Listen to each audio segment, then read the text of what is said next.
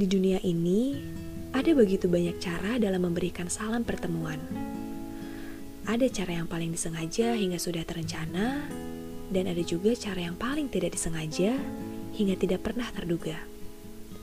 Seperti apa pun caranya, pasti akan selalu ada kesan pertama yang diingat setelah terjadinya salam pertemuan itu.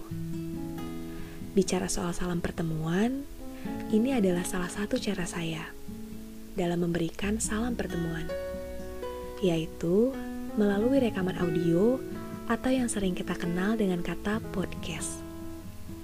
Kalau ada yang tanya kenapa harus podcast, hmm, kenapa ya?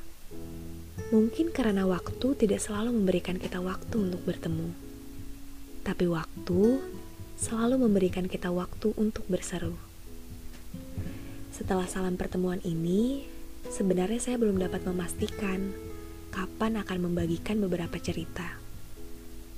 Bukan bermaksud hanya memberikan judul tapi tidak ada ceritanya kok. Bukan begitu. Selayaknya manusia biasa, saya pun sama seperti kalian. Sedang mengusahakan hal-hal yang semestinya.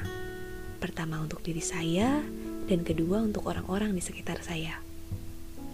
Kapan-kapan saya akan ceritakan beberapa hal yang mungkin pernah terjadi, sedang terjadi, atau terpikirkan kelak akan terjadi. Semoga pendengaran kalian dapat dimanjakan dengan kesyahduan dari ujar utusan.